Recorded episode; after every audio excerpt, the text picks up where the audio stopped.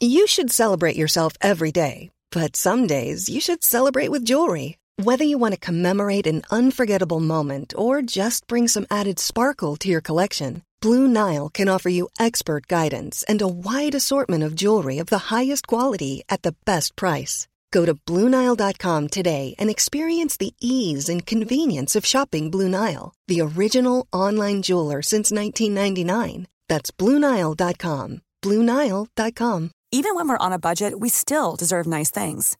Quince is a place to scoop up stunning high end goods for 50 to 80% less than similar brands. They have buttery soft cashmere sweaters starting at $50, luxurious Italian leather bags, and so much more. Plus, Quince only works with factories that use safe, ethical, and responsible manufacturing. Get the high-end goods you'll love without the high price tag with Quince. Go to quince.com/style for free shipping and 365-day returns. Hey, it's Ryan Reynolds, and I'm here with Keith, co-star of my upcoming film If, only in theaters May 17th. Do you want to tell people the big news?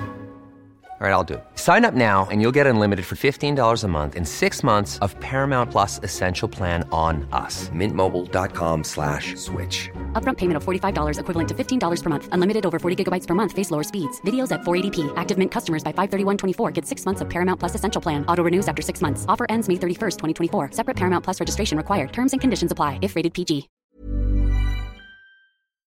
Vi är denna vecka sponsrade av Indie Beauty. Och Sofie, det här tycker jag är extra fint och extra roligt. Ja men Indie Beauty är ju ett skönhetsvarumärke som jag tror att väldigt många känner till, men det jag älskar mest det är att Indie Beauty liksom vill vara mer än bara produkter, vilket de ju också är. Exakt. Indie Beauty står ju för Independent Beauty, skönhet på dina villkor och för din egen skull.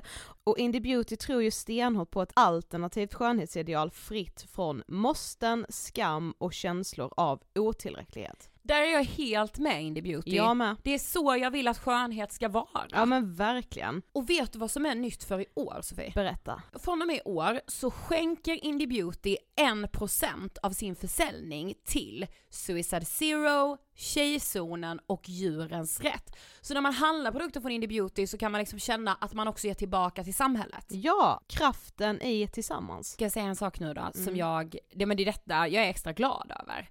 Nu har Indie Beauty tagit fram en keps och den tycker jag ändå så på sommaren, skydda sig från solen. Jättebra, jag älskar kepsen. Men det bästa, de bidrar till Suicide Zeros viktiga arbete för att minska antalet självmord och självmordsförsök.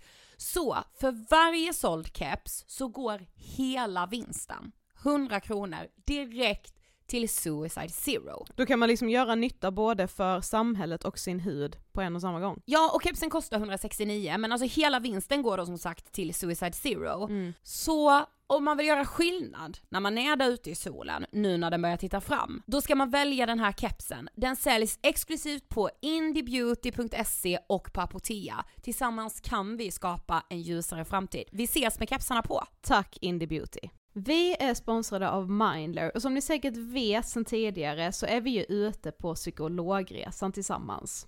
Men hur vet man egentligen när det är dags att söka hjälp?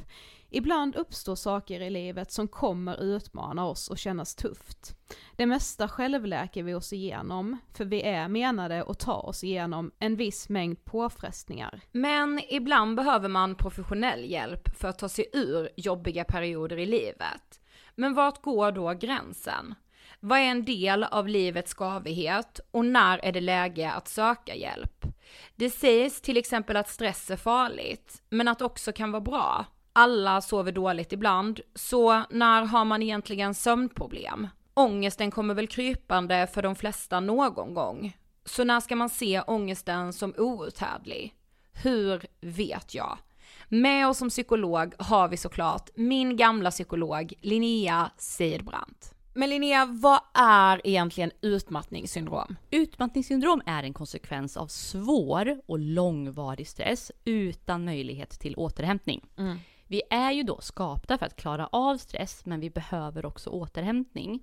Om du utsätts för för mycket stress under en lång period utan att du får till den nödvändiga återhämtningen så kommer kroppen till slut att säga ifrån. Och det är faktiskt så att alla har en gräns. Du kan drabbas av en rad fysiska eller psykiska besvär som trötthet, sömnproblem, hjärtklappning, besvär från magen och tarmarna och mycket annat. Och det här är ju då varningssignaler och tecken på att du kan behöva göra någonting åt din situation. Annars så kan besvären utvecklas till att du mår så dåligt på sikt att du blir psykiskt och fysiskt utmattad. Ladda ner Mindler till din telefon och läs mer på mindler.se.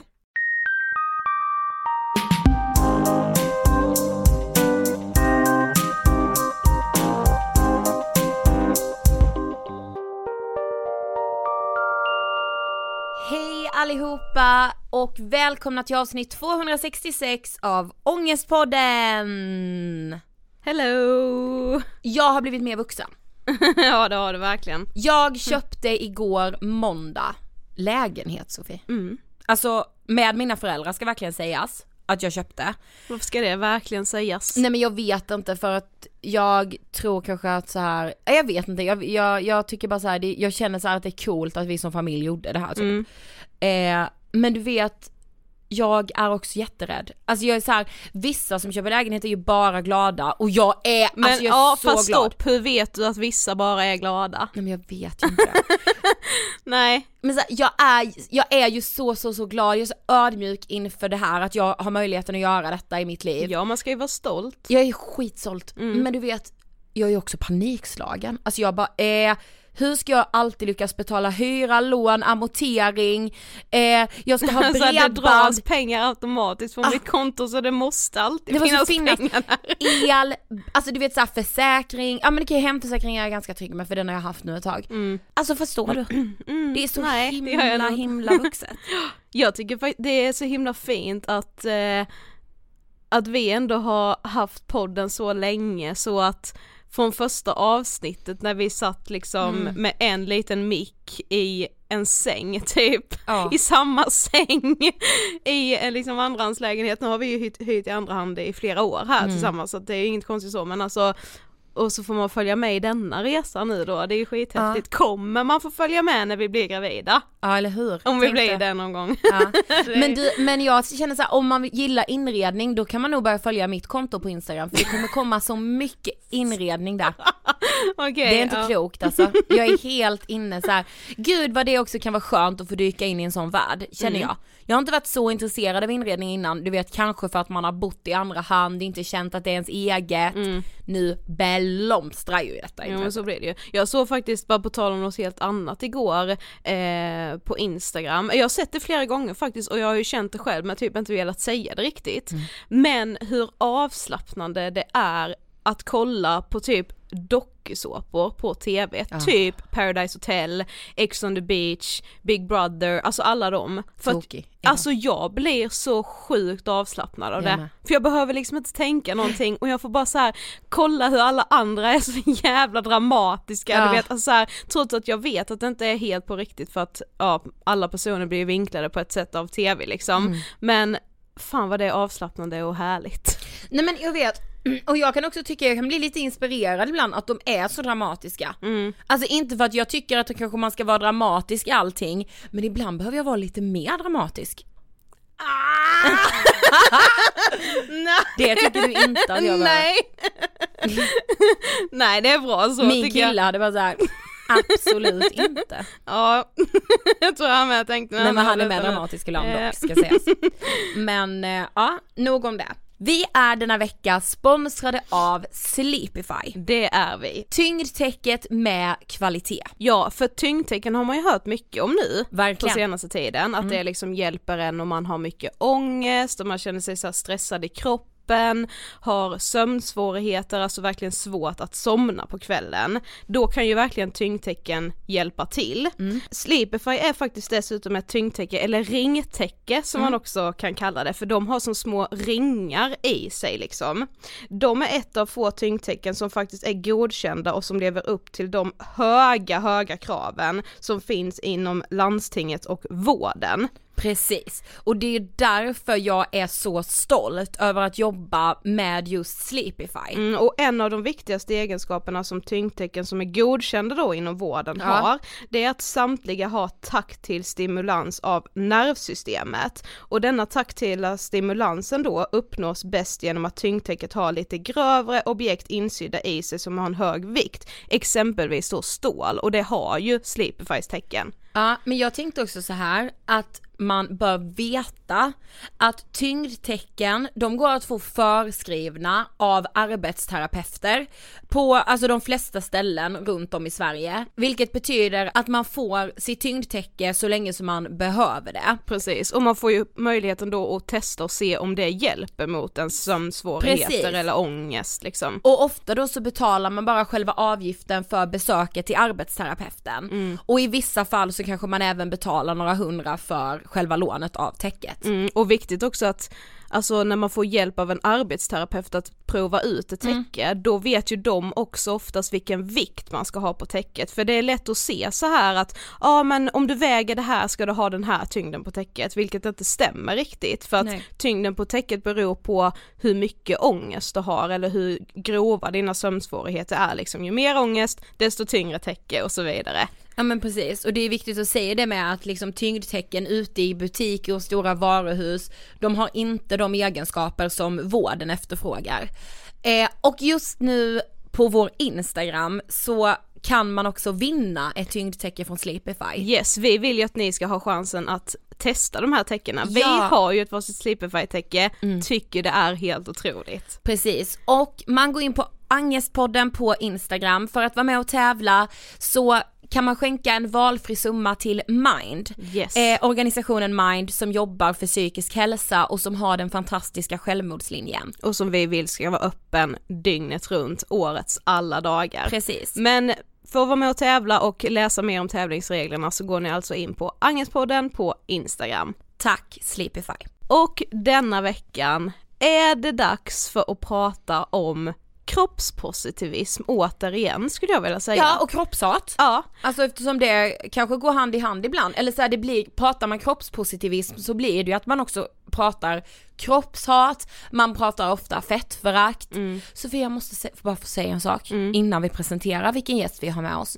Senaste dagarna har jag insett vilket jävla fettförakt det finns. Alltså hur det genomsyrar hela vårt samhälle. Jag har bara sett det verkligen så här tydligt senaste dagarna. Ja alltså och det är ju inget nytt men ibland kommer det ju bara till en, du vet så extra tydligt när man själv känner att man är på en plats där man kanske så här just nu älskar jag min kropp liksom och jag vill inte att någon ska störa mig i, i, det, i mitt sätt att älska mig. Ja men det är sant. Och jag det, fattar. jag tror det är då man blir påmind om hur mycket hat det är. Om jag är inne i en period när jag själv typ hatar min kropp, då glider jag ju bara med. Alltså då håller jag ju bara med alla andra liksom.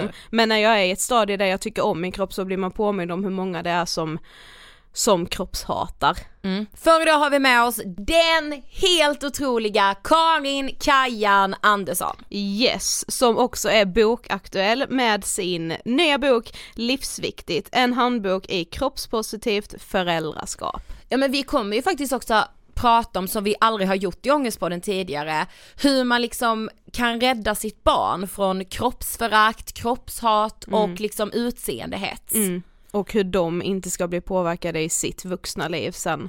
Men precis, alltså hur ska man ha ett kroppspositivt föräldraskap? För många brister tyvärr där idag. Ja. Och vad skapar vi liksom för tankemönster hos våra barn i framtiden då? Mm, precis. Nej men alltså Kajan är ju Ja, helt jävla otrolig. Vi rullar intervjun med Kajan. Varsågoda!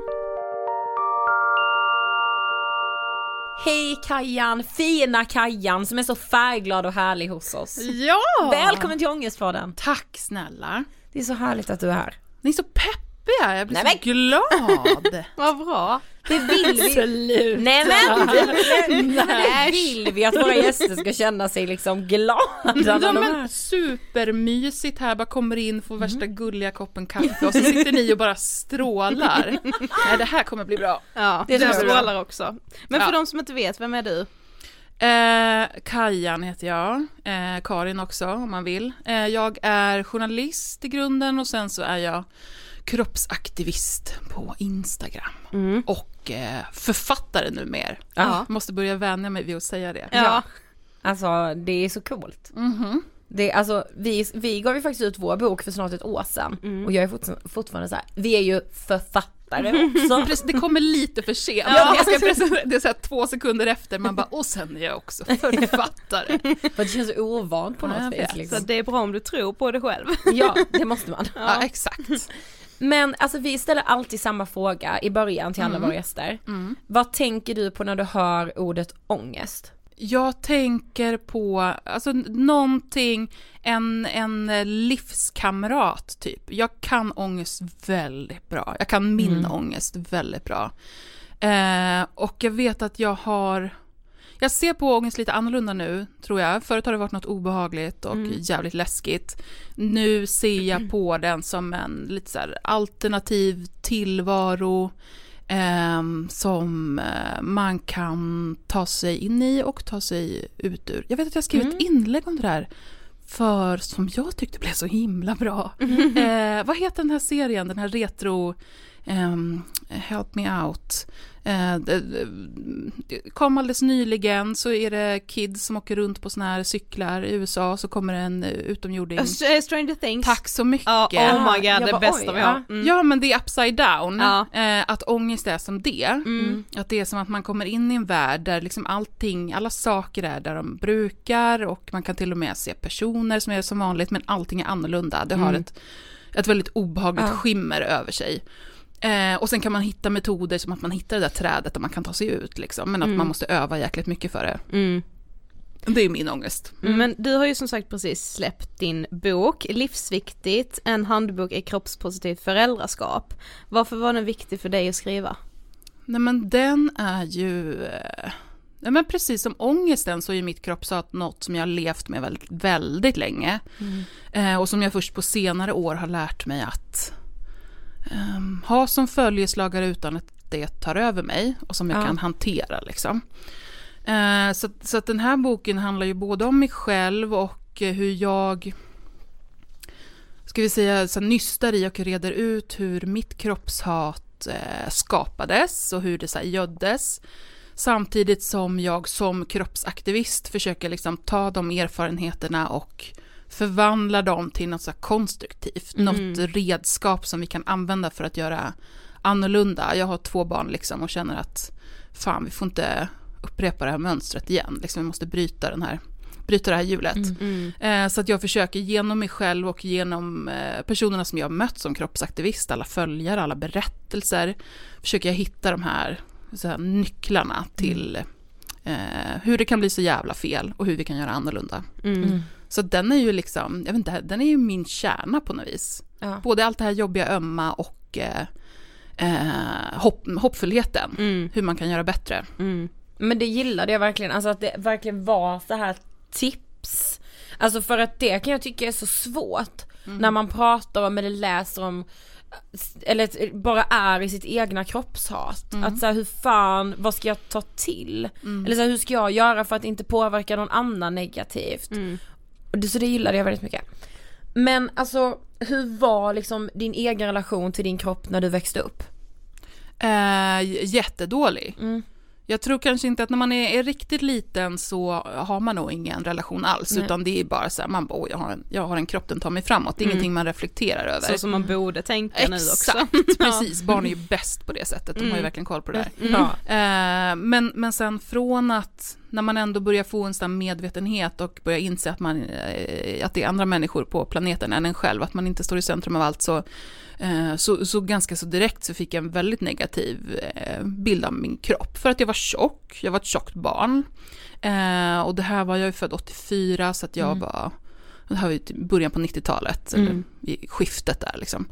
Eh, och då var det ju en, nej men, jag vet inte om det var så normaliserat med bantning. Man skulle, alla skulle banta. Gjorde man det så var man duktig och man skulle ha så miniprodukter och det skulle liksom gympas och brännas fett och så här. Men Eh, var inte 80-talet med så här light? Alltså Jo, kom light alla och mini. Ja, just. Allt var light. Minimjölken. Ja, fy fan. Ja just det, när du skrev om minivalken. Ja. Ja. Så jävla vidrigt. Och sådana här grejer som man bara intalar sig själv. För att man fick så här duktighetspoäng så intalar man sig själv att det var, att det var gott. Liksom, för man Ja. känner sig duktig. Nästan ju äckligare det var, desto bättre var det. Liksom. Eh, men så, så det var ju väldigt, och var som ett tjockt barn då, hade tjocka föräldrar också, eh, så insåg jag ju det väldigt snabbt, att det här var någonting som var som en avvikande och något som var fel och dåligt. Och då började typ min resa med att försöka fixa det här problemet som var jag. Liksom. Mm. Men minns du liksom, eller kan du säga när du kände kroppshat för första gången? Alltså jag kommer ihåg som eh, små skärvor från det och då är det mest en, en känsla, ett väldigt så här, obehag i magen. Ni vet om man blir skrämd så kan man bli så här, iskall. Eh, typ en sån känsla, den kommer jag ihåg väldigt, väldigt tidigt och då kunde det vara att någon sa någon kommentar eller att jag eh, fick några kläder som inte passade. Eh, men jag kommer också ihåg väldigt tidigt, vi hade badkar hemma, att jag låg på sidan så här i badkaret. Jag måste ju varit väldigt liten då för jag fick ju verkligen plats och ligga ner och kunde åka runt och simma i ett badkar. Liksom. Eh, hur jag låg på sida och hur min mage liksom åkte ut lite ner mot kanten och hur jag liksom tryckte på den och tryck, nöp liksom i det som var.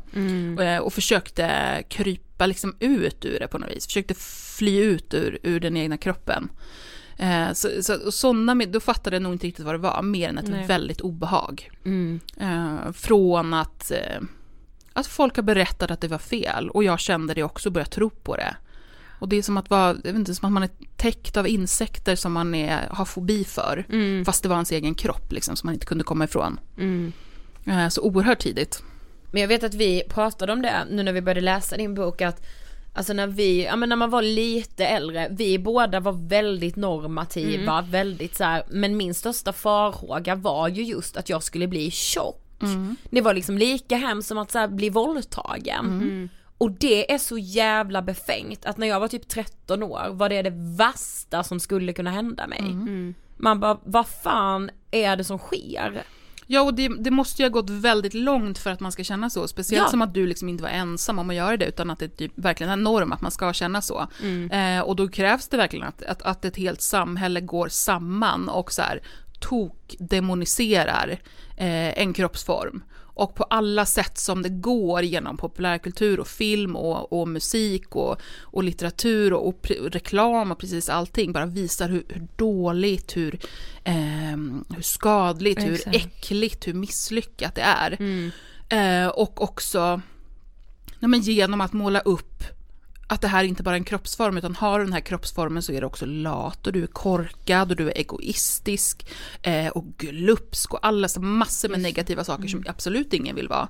Eh, så det blir som ett så gigantiskt jävla hjärnspöke eh, som, vi, som vi har så kollektivt Ja. och bara projicerar massor med otäcka saker på. Så det är klart att man är livrädd för det. Ja exakt.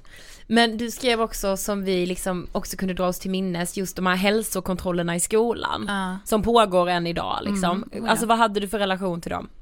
Nej men det var ju skräck. Alltså det var något otroligt obehagligt. Vi fick eh, sitta på rad på en bänk i en sån här liten korridor. Och sen fanns det, det finns det säkert fortfarande, en sån här liten lampa liksom utanför besöksdörren där det stod så här upptaget eller eh, så här Ja. eh, ledigt. Just det, som En sån här röd och lös- grön. Ja, Ja, gud, som man satte, och det var som en, jag vet inte, en så här, det tickade ner nästan kändes som, som satt och stirrade på den där så bara puff blev det grönt och då visste man att Helvete. fan, nu är det jag. Och då satt man längst och så fick man gå in. Och sen var det här var så pass länge sedan också så vi hade såna här våg, våg, vågar? Vågar. Ja. Jaha, vad blir det? Plu- Ja, vågar. Vågar. Vågar. Ja. Ja. Jag bara säg det en gång till så att vi lyssnar. Eh, som en sån här gamla, så när man sköt en liten vikt på. Aha. Eh, som liksom ah. hade lite raspande ljud när man liksom Ja. flyttade den här längre och längre. Och så i- ibland om man hade gått upp tillräckligt mycket då fick man flytta den här stora spaken också.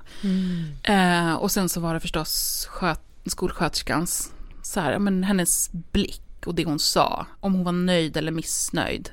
Eh, det fick man ju veta liksom direkt. Och ofta det här, de här diffusa eh, varningarna, typ tänk nu lite på att, kom ihåg att, fast man visste liksom inte vad det var man skulle tänka på mer än att man hade gjort något fel. Mm. Eh, och sen fick man gå ut igen och då skulle man liksom gå förbi alla de här kompisarna som satt och väntade. eh, på sin tur. Och som i mitt fall, liksom, de såg att jag var tjock, de visste att jag var tjock. Eh, och fattade att jag vägde mer än vad de gjorde. Eh, och så var det ju liksom för alla, de andra som var större också. Ville liksom ha en siffra. Alltså, Mm. För det blir perfekt. Barn som redan jämför sig med varandra. Mm. Kunde man jämföra. Nej men det var ju helt. Sen var det ju så typ ett år. Det var ju typ som man tog skolfoto. Det var också så här Ja, ångestladdat. precis. och sen fick man leva med det där jävla fotot i ett år. Exakt. Tills man kunde göra om det. Mm. Ju samma sak med invägningarna. Då Mm. hade man den där eh, vikten som typ tatuerade pannan på sig om man Mm. hade gjort rätt eller, eller inte. Men det minns jag med, alltså det gjorde ju vi också, Gud, trots ja. att vi ändå var såhär normativa, man frågade ändå den andra bara, Ja. vad vägde du? Mm. Alltså för man ville liksom ändå veta att man typ var den som ändå vägde liksom bland de minsta. Ja men för, liksom för att man märkte att det var något som var så himla laddat bland de vuxna. Ja, så man exakt. fattade liksom inte riktigt varför men man visste att det här var någonting som var väldigt viktigt. Ja. Ja. Och då, det enda sättet man kunde få reda på om man hade då gjort rätt eller lyckats var ju så här jämföra med andra. Mm, precis. Ja men det är så sjukt. Men ja, jo men jag tror det att det är samma sak idag. Ja. Ja, alltså jag, jag får så sjukt mycket DMs och, Ja. eh, och eh, kommentarer och mejl från personer som berättar om eh, Alltså dels själva så här, unga personer men också eh, föräldrar Ja. som, som får höra av sina barn liksom hur det går till. Och nu är det ju mycket också att man får eh, barnen får med sig så här, papper hem i, ja, men typ ett utlåtande som liksom, där det står om det är bra eller inte. Eh, som de då ska, liksom, ska gå och bära som någon slags här, antingen en, en dom eller ett Ja. diplom. Typ. Ja. Eller hur? Eh, och visa upp hemma. Och sen så få se de reaktionerna av sina föräldrar. Nej men det är så... Nej men det är Ja, så det är vidrigt. vidrigt. Ja men vi får framförallt så just avsaknaden av det psykiska på de här hälsokontrollerna. Ah. Det finns ju liksom, alltså Nej. det är ingen som frågar, men hur mår du? Mm. Liksom. Och det är också som att säga, nej men det behövs inte för det ser vi ju på din kropp. Ja, eller hur? Ja, ja, vi har ju den här jättesmarta lilla uträkningen som vi kan knappa in och då vet vi hur du mår. exakt. Så du behöver inte säga, nej, sh, nej, du behöver inte säga någonting. Nej, Så precis. nästa. Ja precis. Men du skriver om en massa olika händelser i boken om när du liksom fick bekräftat att din kropp på något sätt var fel. Mm. Kan du bara ta några exempel? Ja, men jag, och jag kallar dem i boken för pusselbitar. Det är typ som så negativa aha-upplevelser. Ja. Eh, så när man lägger ihop dem så, så ser man ett mönster eh, och kan lista ut liksom. Mm. Eh, nej men mycket var ju i, så här, kontakt med jämnåriga, att vi, jag skriver om det i boken, att vi eh, på dagis som det hette då, så, så fick man ju, hade vi liksom lite fria, fria stunder där man fick hitta på egna initiativ om man ville pyssla eller vad man ville göra. Och då skulle vi ha en, en skönhetstävling. Eh, det var, det här var ju återigen så här 90-talet, var alla satt ju och tittade på Fröken Sverige. Som Ja, vi sitter och kollar på. Melodifestivalen nu så var det ju liksom Fröken Sverige. Ah. Där hela liksom, det låter helt bisarrt idag, men hela familjer sitter i, i soffan tillsammans och bara sitter så här och bedömer Och kvinnokroppar. kommentera, alltså det är så sjukt. Ja, nu är det bikini-momentet här, nu ska vi se. Nej. Nej, nej men det är, det är så absurt. Och det här Ja. var liksom, Det är inte ens länge sedan liksom. nej, nej, nej, verkligen inte. Det här var ju underhållning Ja. då. Så fick man sitta och hjälpas åt och klanka ner eller, eller så här, gissa vem som skulle vinna och hade Ja. rätt. Och, eh, vem klädde bäst i den där aftonklänningen och så här. Eh, nej men så då, det skulle vi leka på dagis då, jag och, och tre flickor till. Och då skulle, eh, då skulle fyra pojkar vara juryn då, på så här jurystolar. Eh. Mm. Eh, och, och jag tyckte ju att det här var jättespännande och jättekul. Jag såg fram emot det här så himla mycket. Jag tror att många, många barn som, har, eh, som är avvikande på något sätt, avvikande kroppar, man har ofta den här eh, fula ankungen-grejen, att en dag så ska jag bara bli en svan. Och jag tänkte att det här var mitt så moment, nu skulle jag bli en svan, tänkte jag. Ja. Så jag hade en, en jätte- tyckte jag, jättefin så här, lång klänning hemma med så här, puffärm, Mm. verkligen så här 90-tal. Eh, Och som man älskar. Ja, det Ja. var, det var så här prinsessigt, tyckte Ja. jag var så jävla Mm. vackert. Och så fick jag ta lite, min mamma hade så här mörk vinrött läppstift, så jag fick ta lite av det. Och så fick jag låna en så här hårklämma, typ en sån som jag har idag, som är en sån här sköldpaddsplast. Ja. Tyckte jag också var så himla fint. Så jag hade liksom med ett helt kit, jag hade våfflat håret. Eh, mm, så jag hade hela det här kittet och tänkte det här var liksom min stund. Mm. Och kände mig så himla fin. Eh, och så kom jag dit och då hade de här andra tjejerna hade liksom inte de såg ut som vanligt, jag fattade inte riktigt varför. Eller en hade lite så kalaskläder med så här Mimmi Pigg-kjol. Så här. Eh, men annars så, så såg de andra ut som vanligt. Så jag tänkte bara, men gud, det här är ju stackars dem att de inte har liksom. Har de glömt De att det var idag de har inte fattat grejen. Liksom. Men ser de inte, jag har ju aftonklänning på mig. Eh, så jag tänkte bara, men hoppas de inte blir för besvikna så när de, eh, när de förlorar. Så Ja. tänkte jag, tyckte lite synd om dem, tyckte det var lite jobbigt liksom, att jag skulle vinna. Mm. Och sen, eh, så när vi stod och gjorde så ordning så kom en av pojkarna in så, vid dörren och, och kom och eh, eh, liksom vinkade mig till sig. Och så var han så här, "Ah, men, för då stod jag i min klänning redan. Han bara, men jag har pratat med de andra och då, du, du kommer vinna, alla kommer rösta på dig. Och jag bara kände den här kolsyran i, i Ah. bröstet och det bara, det nu, nu händer det. Det är Mm. nu, nu vänder det liksom, nu händer det för mig. Eh, och jag var så jäkla glad. Och så kom vi in där och eh, det visar sig att det var ett prank, liksom. Ett, eh, ett skoj. Där eh, jag kom sist. Eh, det stod då en fröken liksom och läste upp. De här pojkarna får rösta, så läste hon upp och då, då räknade, de- läste hon upp mig först. Och jag var så här, jag kunde inte fatta. Det tog liksom några sekunder innan jag bara, men hon måste ha läst från fel håll eller hon måste ju ha missat något. Men sen började alla de här pojkarna supergarva liksom, så att Mm. de typ ramlade av stolarna.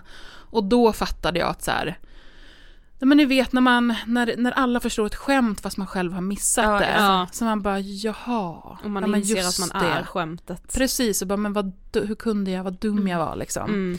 Mm. Eh, det, där var det liksom nog en sån polett som trillade ner där jag bara, så här dum får jag inte vara igen. Det här får jag liksom inte, nu måste jag veta min plats liksom. Mm. Eh, och det gjorde jag nog sen. Sen uppe i liksom skolåldern så höll jag mig nog i min plats så. Och alltså så till en, till den grad att jag inte... Jag var som avkönad på något vis. Jag var inte, flickor skulle vara liksom smala och söta och det var inte jag. Det hade jag ju fått veta. Eh, så att de enda gångerna som jag liksom kände mig som en flicka var typ som så här på skolgården när vi skulle ha eh, killarna mot tjejerna lekar. Mm. Så herren på täppan och sånt så var det killarna mot tjejerna. Och då stod jag alltid lite så här pirrigt och bara gud jag vet inte vilken, jag tror att jag är tjej men jag visste ju ändå att jag inte räknades som tjej. Mm. Och sen så sa de ändå att jag skulle stå bland flickorna och då var jag inte så, här, så jag var så lycklig liksom att då fick Mm. jag tillhöra. Eh, så det var liksom mina så här, skräckblandad förtjusning med mina så här, favoritstunder men ändå med en så här, eh, en lärdom att jag kunde räknas till flicka om det verkligen, om det verkligen stod mellan så här flicklaget eller pojklaget, då var det okej. Ja. Eh, All, alltid annars så var det, fick jag passera som någonting annat. Så här. Mm. Men alltså det som är så sjukt är att det står liksom en förskollärare där och bara Då ska vi läsa upp poängen i sjön. Ja. Alltså En ni vuxen sjukt? människa, Mm. det är helt sjukt. Ja men och det här är så himla, så här tror jag att det alltid kommer vara, att man tittar tillbaka på grejer så kommer man bara, men gud vad fan höll vi på Ja. med? Eh, men då, liksom i den kontexten som det var då, så var ju inte det här något konstigt. Det är ju det som är så stört, för Ja. det är inte så länge sedan. Eh, ja, vad är det, 30 år sedan. Men, Mm. men, men ändå att jag menar, hon hade ju också Eh, hon var ju också inne i så här bantningseran. Hon satt ju också och tittade på Fröken Sverige och tänkte att det var gulligt, det är bara barn som vill leka vuxna liksom. Mm.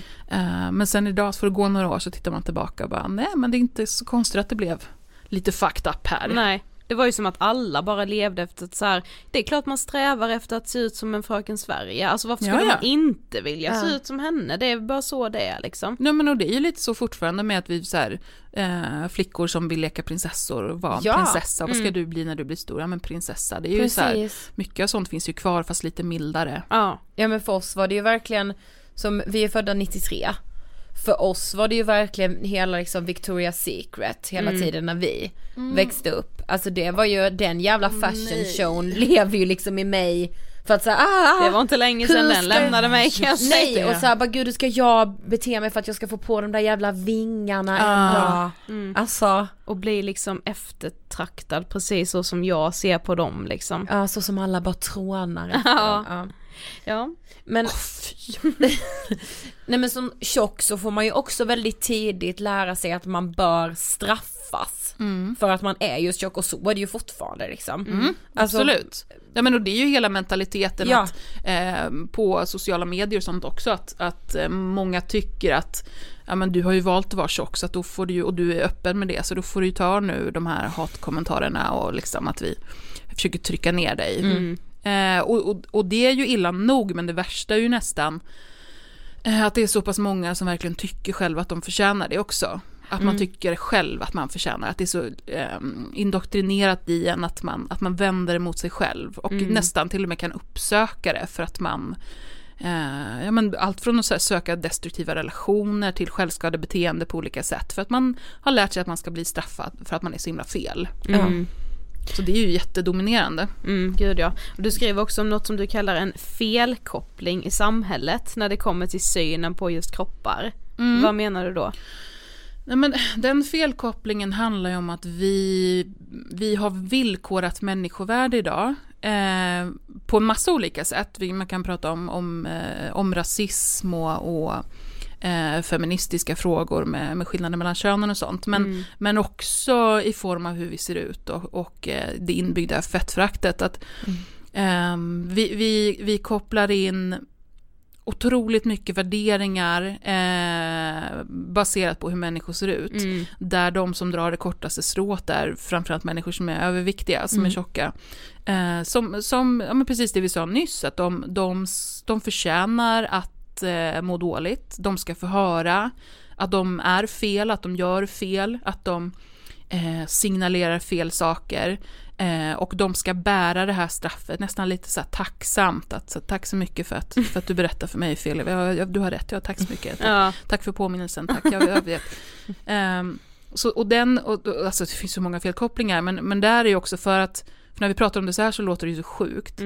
Men, men för att motivera det så har den här störda strukturen så här fiffigt kommit på att så här, men, ah, men hälsa, det är ju någonting som alla tycker är en så himla bra grej. Vi vill ju att människor ska må bra, så här, mm, det tar vi och använder som så här, ammunition. Eh, Okej, eh, eh, tjocka människor är ohälsosamma, medvetet ohälsosamma för att jävlas med oss andra. Eh, för att kosta samhället pengar, för att liksom störa oss på alla sätt som går. Eh, och ta upp resurser och bara så här, ta upp för mycket plats. Eh, och då på det sättet så, man, så legitimerar man liksom det här, den här avskyn. Som därför kan vara ganska öppen. Det är därför man kan, som, som tjock person kan gå på stan och få höra ord skrikna efter sig. Liksom. Eh, för att det är så pass normaliserat och, eh, och berättigat. De här personerna tycker att de har rätt att säga de här sakerna. Mm, precis. Nej men alltså det, just det du sa nu med så här, det här hälsobegreppet. Alltså jag vet inte liksom, alltså jag är så trött på all hälsohets. Jag vet inte vad jag ska ta vägen. Nej. Men det är ju också som att så här, om man väl bestämmer sig för att kommentera en tjock människas kropp då negativt så vågar man också göra det för att man vet att någon annan skulle kunna backa upp och bara ja för det är ju faktiskt inte hälsosamt att Ja, vara så. Ja, nej, men visst. Och Alltså då har man det i ryggen. Ja precis, man har ju den armén bakom sig. Ja, Att så här, ja för det är inte hälsosamt. Nej, man bara, fast ursäkta, jag trodde bara att jag fick existera här och finnas utan att bli påhoppad. Ja, ah, fast du är ju inte hälsosam. Nej, Eh, och då är allting. Ja, precis. Ja men det är också så himla intressant så fort man börjar prata om så här, men är det inte farligt att ha skev kroppsuppfattning, är det inte farligt att hata sig själv? Jo fast fetma, är, alltså att Ja, det ja, alltid ska ja. komma. Fast, Ja, fast. fast Ja, vänta men. nu.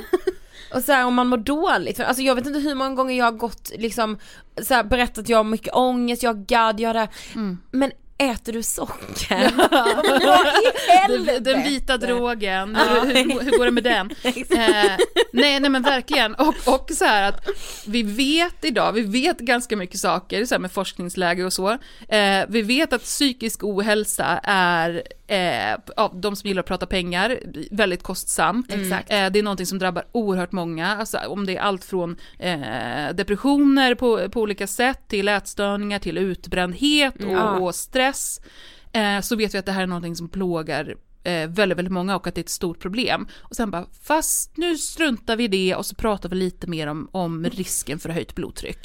Eh, för det är mycket, ja, ja vi vet att ni dör där borta, eh, ni lider, ni är väldigt, väldigt många, miljoner, men risken för det höga blodtrycket Ja. måste vi prata om lite till. Eh, och socker och kalorier. Exakt. Eh, nej men och det är också så här, det är ju det som, som, jag är skitintresserad av hälsa. Min bok är en hälsobok, den går Ja. liksom under hälsokategorin. Eh, men jag pratar om hälsa ur ett helhetsperspektiv, att människor ska eh, må bra oavsett hur de ser ut, att, eh, att vi ska rikta in våra så resurser och vår kunskap på precis alla, inte Mm. bara de som råkar se ut på ett sätt, Nej. speciellt när vi pratar om barn, utan att, att lära sig att, eh, att äta näringsrikt och varierat och finna det lustfyllt med mat och lyssna på sin kroppssignaler, när jag är hungrig, när jag är mätt, när jag är sugen, när jag är trött, när säger min kropp stopp, Mm. eh, hur känns det när jag rör mig, var, varför Hiring for your small business? If you're not looking for professionals on LinkedIn, you're looking in the wrong place. That's like looking for your car keys in a fish tank. LinkedIn helps you hire professionals you can't find anywhere else, even those who aren't actively searching for a new job but might be open to the perfect role. In a given month, over 70% of LinkedIn users don't even visit other leading job sites. So start looking in the right place. With LinkedIn, you can hire professionals like a professional. Post your free job on linkedin.com/people slash people today. Life is full of what ifs. Some awesome, like what if AI could fold your laundry? And some, well, less awesome, like what if you have unexpected medical costs? United Healthcare can help get you covered with Health Protector Guard fixed indemnity insurance plans. They supplement your primary plan to help you manage out of pocket costs. No deductibles, no enrollment periods, and especially no more what ifs. Visit uh1.com to find the Health Protector Guard plan for you. Mom deserves the best, and there's no better place to shop for Mother's Day than Whole Foods Market. They're your destination for unbeatable savings, from premium gifts to show-stopping flowers and irresistible desserts. Start by saving 33% with Prime on all body care and candles. Then get a 15-stem bunch of tulips for just $9.99 each with Prime. Round out Mom's menu with festive rosé, irresistible berry chantilly cake, and more special treats. Come celebrate Mother's Day at Whole Foods Market. Behöver min kropp göra det. Det är någonting som precis alla ska lära sig, till skillnad från som det är idag, när man sitter och bara räknar sitt jäkla BMI och bara okej, du behöver bli pepprad med information om hur mycket kalorier det är i det här och det här och det här. Eh, du behöver få höra att dina föräldrar gör ett dåligt jobb.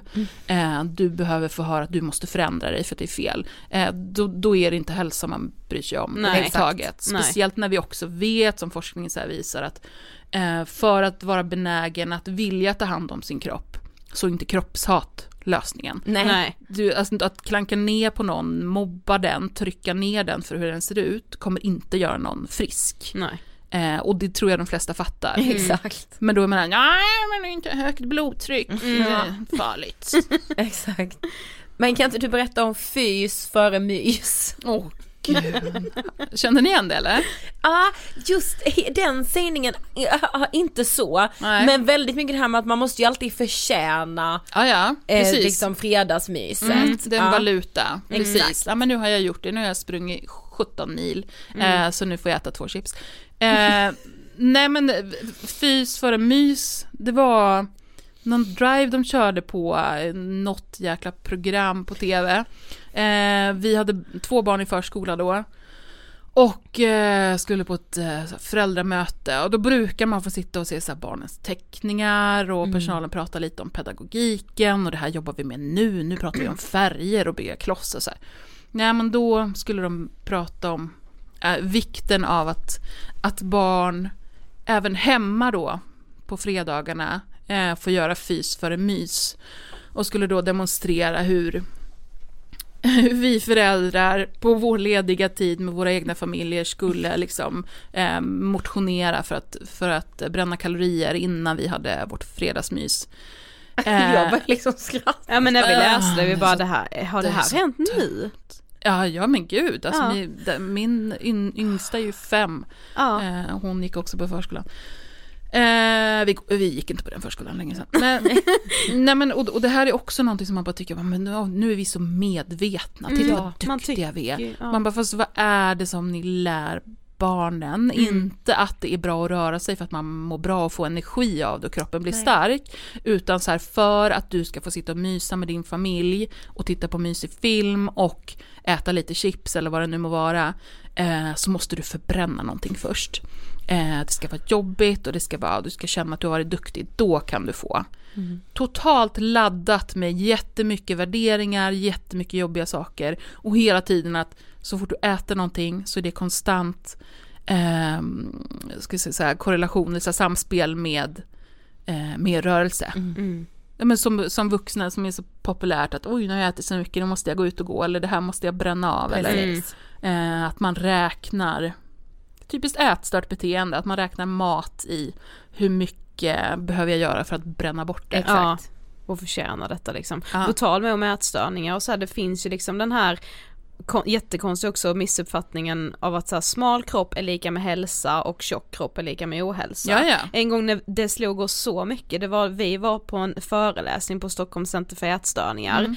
där det var så här, där de visade liksom, ja men typ tallriksmodellen, fyra olika liksom måltider med liksom, ja men på första bilden var det jättelite mat, på andra bilden var det liksom, i min värld, normalt med mat och på tredje och fjärde var det så här ganska mycket mat Mm. och så skulle man då gissa vilken av de här är liksom en normal måltid Mm. och vi som ändå så här, vi har aldrig haft en ätstörning vi, men vi har varit väldigt nära ätstörning, vi har liksom nära vänner som har mått jättedåligt och tycker ändå att jag har en bra bild av vad man bör äta. Mm. Ändå valde jag en bild och där det var för lite mat. Mm. Jag bara, jag Ja, men jag helt tror vi, vi bara bild nummer två, de bara nej alltså bild nummer fyra. fyra är den normala tallriken liksom. Och Bara fy fan vad jag är skevt programmerad som inte ens själv är sjuk och sitter här bland jättemånga sjuka unga tjejer. Det var ju också, de visade så här, det här kan ett mellanmål vara. Ja. Då var det ett glas O'boy och en kanelbulle. och vi bara, hade jag ätit det hade jag känt hur jag syndade. Ja. Exakt. Som, och, och det är därför vi är ett ätstört samhälle, för att vi Precis. kopplar så sjukt mycket skam Mm. till saker som våra kroppar behöver. Det är som att vi skulle känna eh, skam och få kraftig ångest när vi andades. Mm. Vi bara, förlåt nu, nej, åh gud, nu gjorde jag det igen. när det bara, du, du måste äta. Precis. Din kropp behöver det. För att kunna göra någonting överhuvudtaget. Ja. Men nej, det tar vi och pepprar in massor med obehag, med skuld, med skam, med misslyckande. Och sen så sitter vi och är förvånade över att barn mår dåligt liksom. Ja. Precis. Men också, jag tänkte också på det här med att idag förklär man ju också inte bara liksom hälsa och välmående, alltså man tar ju så här bantning och dieter och kallar det också för hälsa. Ja, ja, alltså Mm. grejen är att eh, på, på mitt eh, kära 90-tal så var det, då Ja. pratade vi om bantning uttalat med Ja. bantningsstrategier. Sen ändrade man det lite till dieter för att man Just märkte att bantning var kanske inte så bra ord, men det blev väldigt laddat så här. Eh, plus att massa forskning sa att det inte var så bra, eh, vilket det inte är. Eh, så bara, men dieter. Och sen så gick det också lite, det finns ju kvar till viss del, men nu är det mer så här, men hälsa, jag ska lägga om min livsstil, jag ska komma i form. Vi använder massor med andra ord för precis samma saker, som handlar om att hålla koll på vikten, gå ner i vikt, eh, av en massa diffusa anledningar, men som vi hela tiden hänvisar tillbaka att vi, träff, vi är måna om oss själva, vi är måna om att må bra, att ha bra hälsa. När allt det handlar om är bantning. Ja. Ja. ja, för det har vi med märkt, alltså man pratar ju ändå mycket mer om just psykisk ohälsa nu än vad man gjorde för bara typ fem år sedan. Absolut. Och att man också då så här lite, när man ska göra den här då livsstilsförändringen, så gör man ofta det för att man ska må mycket bättre psykiskt. Men det känns som att många tror att de mår bättre psykiskt för att de går ner i vikt. Alltså de så här Ja, ja. intalar sig själva att nej men jag mår så mycket bättre psykiskt av det här. Ja, för att du ser att du går ner i vikt. För att enligt samhället så ska, ju smalare du är, desto bättre Ja, är ja, liksom. och Och det- det får dig att må bra. Det är, det är en av de vanligaste så här, rävsaxarna. Att man säger, nej men jag går ju ner i vikt för min skull, för jag känner mig mycket fräschare då, jag mår mycket bättre Ja. då. Ja, det är klart att du gör det när du inte har ett helt samhälle som mobbar dig från att du vaknar till att du går och lägger dig. Exakt. Det är klart att det känns lite lättare. Frågan är om det är en anledning att vi ska eh, utsätta våra kroppar och våra psyken för väldigt mycket skadliga saker bara för att samhället ska sluta mobba oss. Eller så bara sätter vi ner foten och bestämmer att samhället får fan ändra på sig. Ja, men precis. Men nästan alltid när man pratar om de här ämnena så kommer ju de, alla de här motargumenten då som att ja men det är ohälsosamt att vara tjock, eh, barnfetma ökar, socker är farligt och så vidare. Alltså hur ska man bemöta de här argumenten? Eh, man kan börja med, ja det finns så många sätt. Ja, Eh, man kan börja med de, det här sättet som de mäter, om vi pratar barnfettman, eh, så mäter man det utefter BMI. Mm. Eh, BMI ändrar man också lite genom åren, så att det finns såna här glapp i statistiken när hoppsan från ett år till ett annat så är det många, många fler som, som klassas som överviktiga. Ja, för att man har ändrat BMI-måtten i BMI-tabellerna. Ja. Eh, så man kan ju börja titta på det. Mm. Eh, BMI är ju totalt hittepå. Mm. Eh, flum, så här utvecklat på 1800-talet av en matematiker och astronom Mm. som var väldigt intresserad av ja, så här, det gyllene snittet, alltså så här, genomsnitt på människor. Vilket är det så här, som, som Leonardo da Vinci också var, så här, genomsnittsmänniskan. Eh, han brydde sig överhuvudtaget inte om hälsa och absolut inte på individer. Nej. Det var liksom inte alls vad det var, men vi bara, ja men en enkel ekvation, eh, längd och vikt ger summan hälsostatus. Det är jättebra. Och så bara in på 2000-talet så sitter vi fortfarande och bara räknar de här dumheterna. Ja. Eh, så man kan ju börja med att bryta ner BMI, eh, prata om vad det faktiskt är för någonting och var de här liksom måtten kommer ifrån. Men sen är det också så här, vi, som, som samhälle så har vi utmaningar, vi blir allt mer stillasittande. Eh, det finns väldigt mycket eh, vi har en, precis som det är med skönhetsindustrin som pepprar på en massa med saker, så finns det en, en industri som, som vill sälja mycket produkter. Eh, människokroppen tycker att det är gott med sött, eh, precis som många insekter liksom gör, så man öser i det ännu mer för att vi ska tycka att det är gott, vill jag köpa ännu mer. Eh, det, det finns absolut hälsoproblem som kommer ifrån vårt samhälles utveckling. Eh, det här är inte någonting som överviktiga har, det här är någonting som vi kollektivt som samhälle har, som man kan Precis. råda bot på på massor med olika sätt. Eh, där kan man också bryta ner att det här kopplar bort det från liksom vikt, viktperspektivet och säga att ja, hälsa är jätteviktigt, jättebra att prata om. Eh, jag pratar om det med, med alla. Eh, och jag pratar om det i form av inte skuldbeläggande och skam, eh, som vi de facto vet skapar andra sjukdomar, utan jag väljer att prata om det på ett sätt som faktiskt gör att människor kan bli friska, eller liksom må bra med sig själva. Eh, och också så, så vet vi att för att människor ska vilja ta hand om sina kroppar så behöver de eh, respektera sina kroppar, eh, se sina kroppar som verktyg och redskap. Människor som hatar sina kroppar är ofta väldigt destruktiva mot sina kroppar, Mm. tar inte särskilt väl hand om dem. Nej. Alltså när jag har mått som sämst och, och verkligen hatat min kropp, då har jag, alltså jag har gått ut i gatan, mitt i, liksom, mitt i trafiken, jag har cyklat aspackad utan hjälm, alltså jag har inte brytt mig Nej. om vad som händer med min kropp för att jag har avskytt den så himla mycket. Eh, och skadat den på en massa med olika sätt. Så att för, att för att människor ska vilja ta hand om sina kroppar, då ska vi ju lyfta, liksom. lyfta kraften i att må bra. Också att så här, våga lyssna på sin kroppssignaler som, som vi också tyvärr så här, som samhälle nöter bort mer och mer med, med prestationssamhälle som vi är. Att bara, men du är trött, men några bollar till i luften, jättebra, ja, men lite till klarar du, kom igen nu. Så puff, oj, där var en vägg, hoppsan. Ja. Eh, så där är det också en sån så här, men det finns ju hur mycket som helst. Och sen är det, alltså, kommer det fram en främmande person och har åsikter om andra människors hälsa så kan man ju lätt fråga vilken kompetens den personen har för att Ja. kunna uttala sig om det. Det är många, framförallt smala verkar ju tro att de har någon slags här röntgenblick och bara kan Ja. så här skanna en person bara, nej men jag ser på dig att du är ohälsosamt och bara Mm. wow, det är ju en helt fantastisk superkraft. eh, som skulle få precis alla läkare att bli utan jobb på en sekund. För att du skulle bara ta över världen med den. Men det, är så, det är så dumt och det är så, det är sån obehaglig hybris. Ja, Precis. faktiskt. Ja, Fy fan, fan ja. vad det är det. Det där var så, det är så jävla sant. Ja, alltså jag är så sätt trött dig ner på det. i båten. Nej, men jag är så trött på att när man kan så här se liksom, eh, ja men träningsprofiler eller, alltså som så här, de är bra på att träna någonting men helt plötsligt så kan de också allt om tjock, alltså det är Ja, så ja. jävla skevt. Och de vet allting om dig, de vet allt om din medicinska historia, de Just vet det. allt om din genetik och ditt Exakt. arv, de vet om din psykiska hälsa, hur den har sett ut, de vet hur din ämnesomsättning fungerar, de vet vilka sjukdomar du har, har haft, kanske kommer att ha, inte kommer, de vet precis allting. Men det är ju också den så här biten som gör att vi ska sträva så mycket efter att vara smala, för att då får vi vara de där personerna Mm, som gör allting rätt. Som kan se ner på de här andra som inte kan någonting. Du vet de här smala personerna som kommer in på ett gym och liksom tycker att de är så här schyssta och bra när de bara klappar en tjock person på axeln Ja. och bara “bra att du vågar dig hit, jättestarkt starkt jobbat”. Eh, och så går de och tycker att de så här gjort en, en insats för världen. Jag Liksom. bara, jag ser alla. Ja, exakt. Ja, jag stöttar dem som har det tufft. Mm.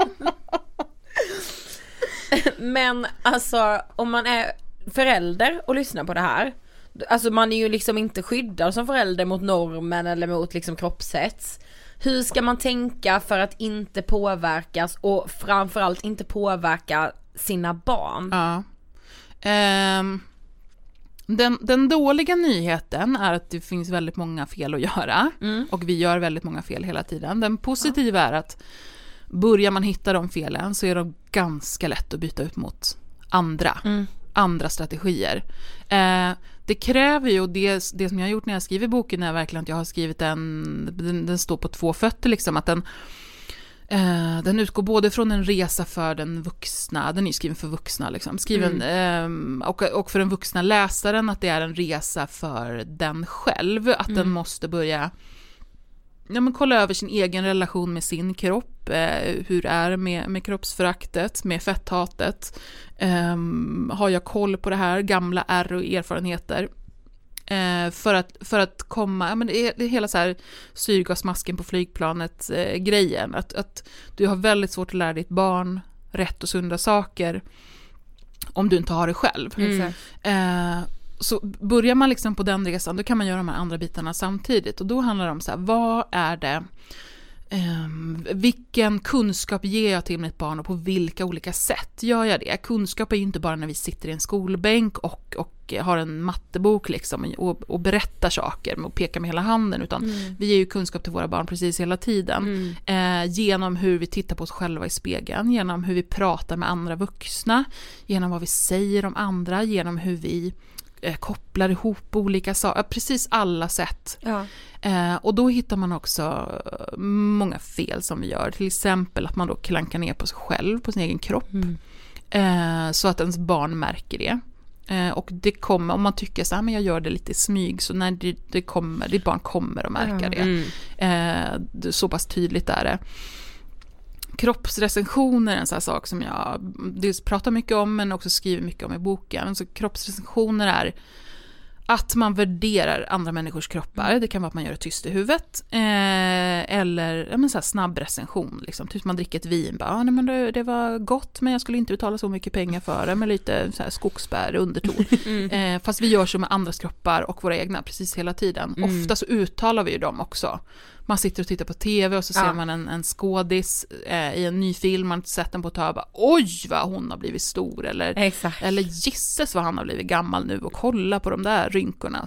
Ja. Eh, vi gör det precis hela tiden, för vi har också fått lära oss att det är så vi gör, vi ska bedöma kropp, kroppar på det sättet. Så bestämmer man sig för att det här är nog inte en så jäkla bra grej, för att det mitt barn lär sig när hen hör mig är att det här med hur man ser ut är väldigt, väldigt viktigt. Det finns ett rätt sätt att se ut på, det finns fel sätt att se ut på och barnet kommer att suga åt sig det här och sen börja förhålla sig till det på olika sätt. Barnet kommer, precis som vi gjorde med vikten eh, på hälsokollen, så kommer man börja jämföra. Ja men okej, den där skådisen hade så och så och så, hur ser Exakt. jag ut? Hur? Eh, kommer, kommer min förälder att tycka mindre om mig om min kropp förändras? Och barns kroppar förändras hela tiden, vilket skapar så väldigt obehag. Så att sluta kroppsrecensera, och det kan ju vara liksom en process som man får eh, öva på. Jag har övat på det i jättemånga år. Eh, och faller fortfarande dit ibland, men kan rätta mig själv ganska så snabbt. Eh, men börja öva på det, att, att, att inte kroppsrecensera högt kan vara en första bit. Och så märker man att vinningarna från det här är inte bara att ditt barn slipper det här värderandet av kroppar och därmed också eh, hans egen kropp. Eh, utan att så här, men okej, jag, jag, nu har jag lärt mig att inte värdera kroppar, nu ser jag på mig själv på ett annat sätt när jag tittar i spegeln. Jag börjar inte eh, jag möter min egen blick. Jag börjar inte så här eh, från topp till tå göra en felsökning på allting jag tycker är dåligt och klanka ner på mig själv, utan jag ser andra saker. Eh, Det blir irrelevant. Eh, Man blir ju mycket trevligare person att vara runt för att ens omgivning, ens vänner, ens familj kan vara ganska trygg med att eh, den här personen tänker inte elaka saker om mig, Mm. eh, säger inte elaka saker om mig bakom min rygg, utan den här personen tycker inte att hur jag ser ut är viktigt överhuvudtaget, Exakt. vilket blir ett väldigt tryggt liksom. Mm. En trygg och skön person att vara runt. Så det finns bara vinningar liksom utifrån det. Ja. Mm. Gud det bara slog mig när du sa det så att jag möter min egen blick i spegeln.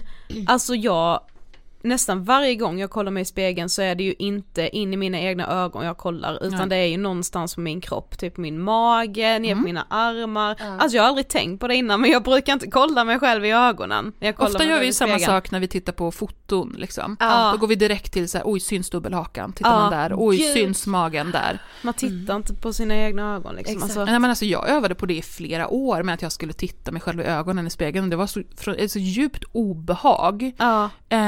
Eh, otroligt laddat, kändes obehagligt, jag kände skuld liksom för att jag mötte, man får ju se sig själv som att man möter en annan person Mm. liksom. Eh, till nu när, när jag överhuvudtaget inte skannar min kropp alls. Mm. Jag har inte det där att jag tittar efter vad är det som buktar ut och inte Mm. med, med värderingar och så här. Eh, sätta sådana små felbockar liksom, Ja, på precis. ställen som ser ut på, på fel sätt. Ja. Utan att man, att man Nej men fasken, man kan, kan gå förbi ett skyltfönster, se sig själv i ögonen och ge sig själv en blink Ja, liksom. ja, Alltså, mäktet i det Ja, vad sant. ska liksom inte underskattas. Nej, för du skriver om en händelse i boken som utspelar sig för inte så länge sedan ändå, där du upplever att du själv hade ätit för mycket julmat. Ja. Du liksom bara lägger dig i sängen och känner typ hur hela kroppen bara liksom smetar ut sig. Mm. Eh, berätta om det och vad är kroppsdysfori? Eh, dysfori är ju eh, kanske just nu mest vanligt att, eh, att transpersoner pratar om. Eh, att man helt enkelt att man, eh, det man ser på sin kropp, eh, det man känner på sin kropp stämmer liksom inte överens med verkligheten. Eh, för mig så har det handlat om, eh, som har varit en konsekvens av, av mina år av ätstörning, att Ehm, ja, men när jag var ätstörd så kunde jag, om jag åt, råkade jag få i mig smör eller grädde eller någon form av fett så, så kände jag så starkt för att jag hade lärt mig det att, att det var så dåligt, så äckligt så att jag kunde verkligen se i spegeln hur min kropp liksom växte, Ja. 20 kilo på fem minuter. Mm. Eh, det var liksom inget påhitt utan jag såg det verkligen.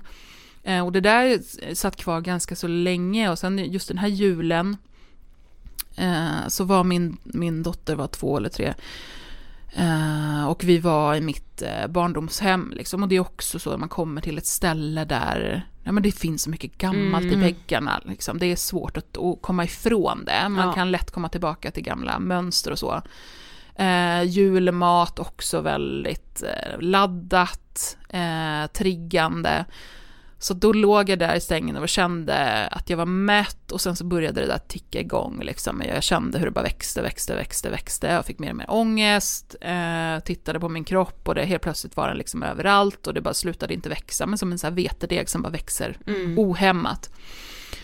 Eh, Men, men jag hade ändå börjat, jag hade hittat kroppspositivismen och, och börjat med, med kroppsaktivism. Även Mm. om det var tidigt så hade jag börjat med det.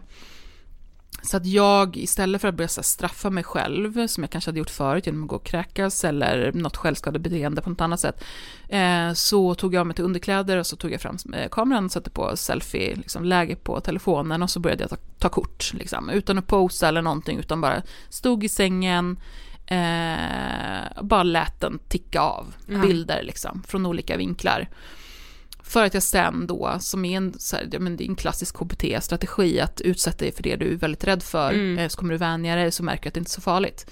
Och då, min lill, lill tjej då, eh, kommer så här instruttande och riktigt så här, ja men de är så små, två år sedan, de är så, de är så fylliga liksom, så de är som små Michelin-gubbar som där, dor, dor, dor, dor, en sån liten Bumbibjörn.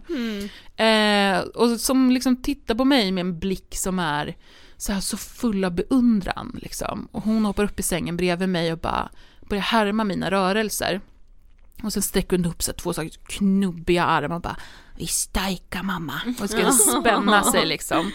Och då, då fanns det då fanns det inget kvar hos mig som kunde ha det där liksom hatiska som jag hade tittat på nyss, för jag såg med hennes ögon och hon tittade på mig. Eh, det var också så här, när man har ett barn som är väldigt lik en själv, Ah. och så är man i föräldrahemmet där man själv var barn. Ja, det blir väldigt så här, terapi- ja, men verkligen. eh, så det blir väldigt läkande liksom. Mm. Så att hon kunde ju med det och med sitt skratt och så här, och, ka- och kameran tickar av bilder, eh, och jag ser liksom på bilden och jag bara så slappnar av på något vis.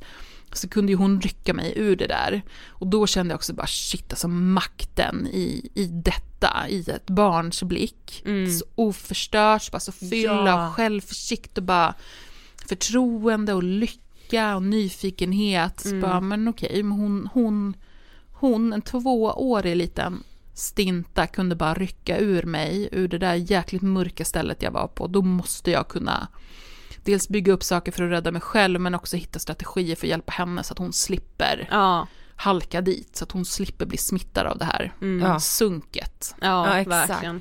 Men alltså jag kan bli frustrerad, alltså på mig själv i att så här. Logiskt vet jag ju att så här, oj jag kunde inte ha de här byxorna längre, jag har gått upp en storlek. Logiskt vet jag att så här, det säger ingenting om mig. Nej. Men så här, känslomässigt påverkar det mig ändå så jävla starkt. Mm. Alltså kan du känna den frustrationen själv? Alltså jag tror så här med kroppshat så är det på ett sätt eh, väldigt likt ehm, att, att ha levt ätstört länge. Jag, har, jag kan fortfarande ha så här, få ätstörda impulser. Ja. Eh, ni vet när man, man tänker sig som en så ängel och en djävul som sitter Ja. på. Eh, så den här djävulsrösten kan jag fortfarande höra. Den liksom kommer och viskar eller väser någonting otrevligt. Men jag kan, det är inte den som kör båten liksom, utan jag Nej. kan välja själv nu. Och så tror jag att det är med kroppsat också. Att jag har definitivt dagar när man är lite och herregud, om man har en menscykel som bara med hormoner som Fy spinner runt så har, man, så har man dagar som man inte är så jävla tjockhudad liksom. Mm. Ja. Ehm, så självklart har jag också, också som tjock person i ett samhälle som hatar tjocka, så är det klart att jag också har dagar som är tuffa. Eh, där, där kroppshatet liksom pickar på. Men, men jag kan också, inte så mycket sådär kanske med, med kläder, då kan jag få sådana liksom bara korta impulser, för det har jag övat bort så pass mycket. Eh, men att man, att, man låter, att man låter det vara så. Att man vet att okej, idag var det en sån dag, det beror nog på att jag är trött och jag har inte sovit tillräckligt, det är den dagen i månaden, eh, det har varit mycket på jobbet. Eh, barnen är inte på bästa humöret, okej, är, då är jag väldigt mottaglig för de här liksom, knivhuggen. Ja. Eh, då får det vara så idag och så tar jag nya tag imorgon. Och sen får man bara eh, distrahera sig, göra andra saker. Ta ett skönt bad, kolla på något jävligt kul liksom. Mm. Eller faktiskt fota sig lite. Fota Ja sig lite. fan, alltså, Ja. det, alltså det tänkte jag när jag läste, jag måste börja göra det. Mm, för det säger ju sig självt liksom, KBT funkar ju Ja, obviously, ja, ja. alla andra saker där man måste utmana sig själv för det man är Precis. rädd för. Ja men och det positiva med det är att det blir nästan en utmaning sen till slut. För som det var så här i början, eh, ni vet någon annan har tagit en bild av en så får man se och bara men herregud vad så här, min, mina ryggvalkar blir så himla, och så tycker man det är jättejobbigt, så får man den där iskalla känslan, tycker det känns hemskt. Eh, om man då bestämmer sig att okej nu ska jag vara, nu ska jag ta mig an det här som en kroppsaktivist här. Nu i en vecka framåt, då jäklar ska vi fota rygg, ryggfett. Liksom. Ja. Så mycket valkar som möjligt. Man får böja sig åt alla håll, ta minsta bhn och bara uh, för att liksom kunna räkna dem. Det blir nästan en tävling, man bara ju, ju mer desto bättre. Bara shit det här var en bra bild där de syns riktigt, riktigt bra. Sen har den där veckan gått, då har det där avdramatiserat ganska så mycket. Mm. Det blir inte så himla skrämmande. Så att idag kan jag tycka nästan att det blir lite eh, lite sport om jag får någon så här, fasken, nu, nu har jag en period när jag tycker Eh, mina händer har varit en sån sak. Nu, nu har jag en period när jag tycker det är skitjobbigt med mina fingrar. Ja men då, nu jäklar är det handbilder, då är det upp med fingrarna på precis allting. Sitt med, träffa folk och sitt liksom. Bara ös på överallt. Ja. Eh, för man bara, men yes nu har jag någonting att jobba med. För det är ju det det visar. Här har, här har jag ett skav, här har vi något litet motstånd. Ja men då, då nöter vi in oss på det. Mm. Och bara fyll sitt flöde med dubbelhakor och celluliter och allt vad det är. Liksom. Ja, så sant. Finnar och könssår och Ja, alltså. ja, allt gött. Ja, Precis. Vi har kommit till sista frågan. Vad inspirerar dig? Oh. Eh, mycket saker tack och lov, annars tror jag inte att det här hade gått, då hade jag nog gett upp för länge sedan. Ehm, Mm. Framför allt just nu är jag väldigt inspirerad av eh, generationer som är äldre än mig, eh, Mm. som jag, så här, eh, kvinnor framför allt som är eh, som jag har som följare som är så här sex- 50-60 år som har, som har under så himla lång tid levt med ett kroppshat och, och verkligen identifierar sig med det. Mm. Som vid den här åldern bara kan vara så här, nej men jag har inte badat på en badstrand sedan jag var fem år. Eh, igår gick jag och köpte en baddräkt. Här ska Åh! badas. Jag ryser. Alltså det är så Ja. tungt, det är så jäkla häftigt Mm. att kunna också med så här, jag menar vi, vi är andra generationer, vi omger oss med människor som har, andra erfarenheter och så, att, att vara i en äldre generation där kanske alla kompisar och, och släkten och sånt inte fattar grejen, inte Mm. har, eh, inte följer kroppspositiva konton på, på Instagram, att då mitt i det bara, nej, jag ska ut och bada med mina barnbarn, jag ska Mm. bara Eh, och jag köpte en bikini också. Och jag tänkte Ja. den ska jag också testa. Inget mer vassen för mig. Det tycker jag är sjukt mäktigt. Ja, det är det verkligen. Inspirerar mig alla dagar i veckan. Ja, tack så jättemycket för att du ville gästa Ångestpodden. Och tack för att jag fick komma. Tack.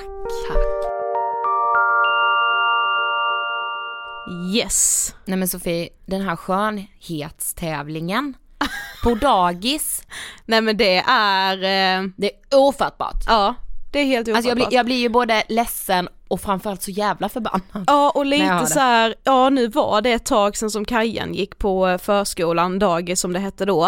Eh, det skulle lika gärna kunna hända idag. Det är Ja. det som gör mig mest förfärad. Men det som gör mig väldigt förfärad också, det är alla liksom personer som pratar om hälsa, Mm. som att de så här är oroliga då för att den här tjocka personen ska utveckla fetma Mm. och hur farligt det är. Man bara du pissar verkligen på den här personen, du skiter i. Du är ju bara stolt över att du är en smalis. Ja och också lite förbannad att den här personen inte späker sig själv. Ja precis. Att, Att, alltså lite förbannad för att säga, men vad fan, varför personen inte på- vågar. Ja. Att ja, personen skiter i eh, kanske att eh, äta eh, eller att gå på en diet eller att liksom Mm. eh, hetsbanta eller dylikt. Att, att den personen är nöjd Mm. i sin tjocka kropp.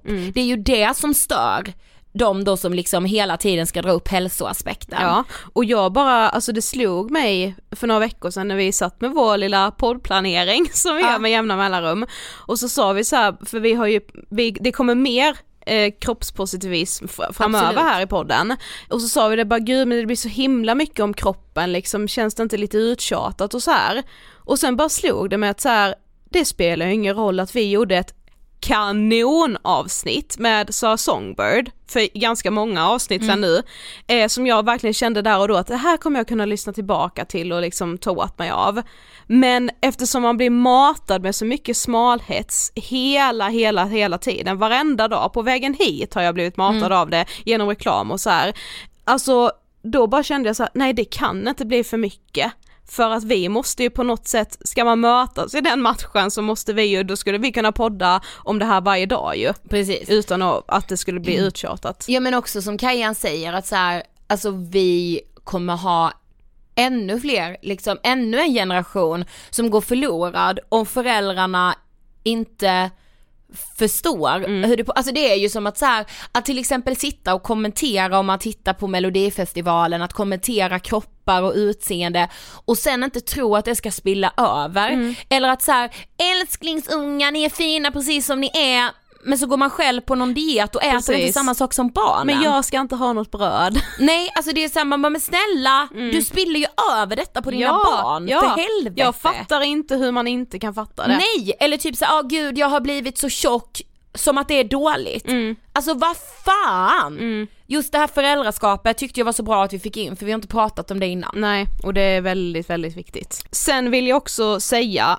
jag blamear ingen förälder som också så här råkar slinka, Nej, alltså att sådana kommentarer råkar slinka ut. För man är ju bara en produkt av det man själv har blivit liksom, Det är så. som man har fått kastat på sig under hela ens jävla liv. Mm. Men någonstans måste vi väl bygga upp den här rustningen nu då så Ja. att vi inte råkar slänga med sådana kommentarer. Nej men jag fattar verkligen vad du menar, så, nej men det blamear inte jag, Jag vill heller. inte skuldbelägga någon Nej, det vill- förälder nu nej. som går och lyssnar och bara fan jag har ju, vad har jag gjort nu mot mina barn liksom. Men det är aldrig för sent att ändra på det Nej. tänker jag och att också så här, men om inte föräldrarna ska ta ansvar, vem ska då ta ansvar? Ja, alltså, så det, här, lite förlåt så. men det är ju deras ansvar. Precis. Mm. Kajan, din jäkla kung. Ja. Tack för att du kom till Ångestpodden. Tusen tusen tack. Lova att komma tillbaka. Nu börjar det sannoliken närma sig. Gud, alltså när du säger det, alltså jag Ja. blir så rädd. Sorry. Yes, Ångestpodden en kväll på Skala. Eh, 21 mars 2020 Ångestpodden en kväll i Lund den 27 mars 2020. och Ångestpodden en kväll i Göteborg den 1 april. Jag Ska vi kanske slänga in något aprilskämt där i Göteborg?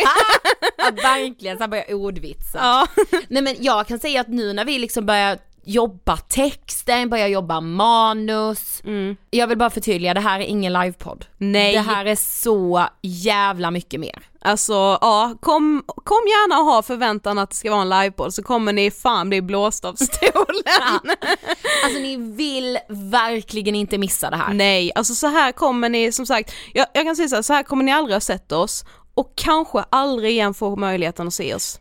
Jag säger också så här, så här har ni aldrig sett ångest. Nej, så kan vi också säga. Alltså, nu är det mycket, nu lovar vi mycket här men det är fan sant. Ja. Biljetter hittar ni på eventim.se, när ni går in på eventim.se så är det en liten sökruta, där söker ni bara på Ångestpodden så kommer det upp biljetter till samtliga städer. Ja. Jag hoppas bara att vi ses helt enkelt. Nej men jag med. Det är bara det jag vill ha sagt. Mm, ja, men smart. Alltså verkligen. Eh, har du nu så bra så kommer det ett nytt, mycket härligt avsnitt av Ångestpodden igen om en vecka. Ja men du vet såhär, alltså jag hoppas verkligen man älskade det här avsnittet. Ja. Och vår gäst lika mycket som vi älskade vår gäst. Ja, jag älskar det i alla fall. ha en fantastisk vecka, var du än är och vad du än gör. Hej då! Hejdå!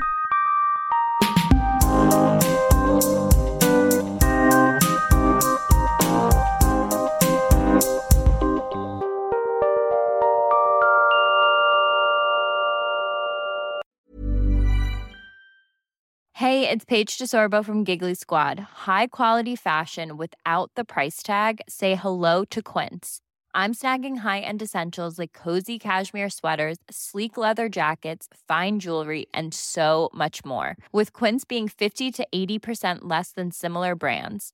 And they partner with factories that prioritize safe, ethical, and responsible manufacturing. I love that. Luxury quality within reach. Go to quince.com slash style to get free shipping and 365 day returns on your next order.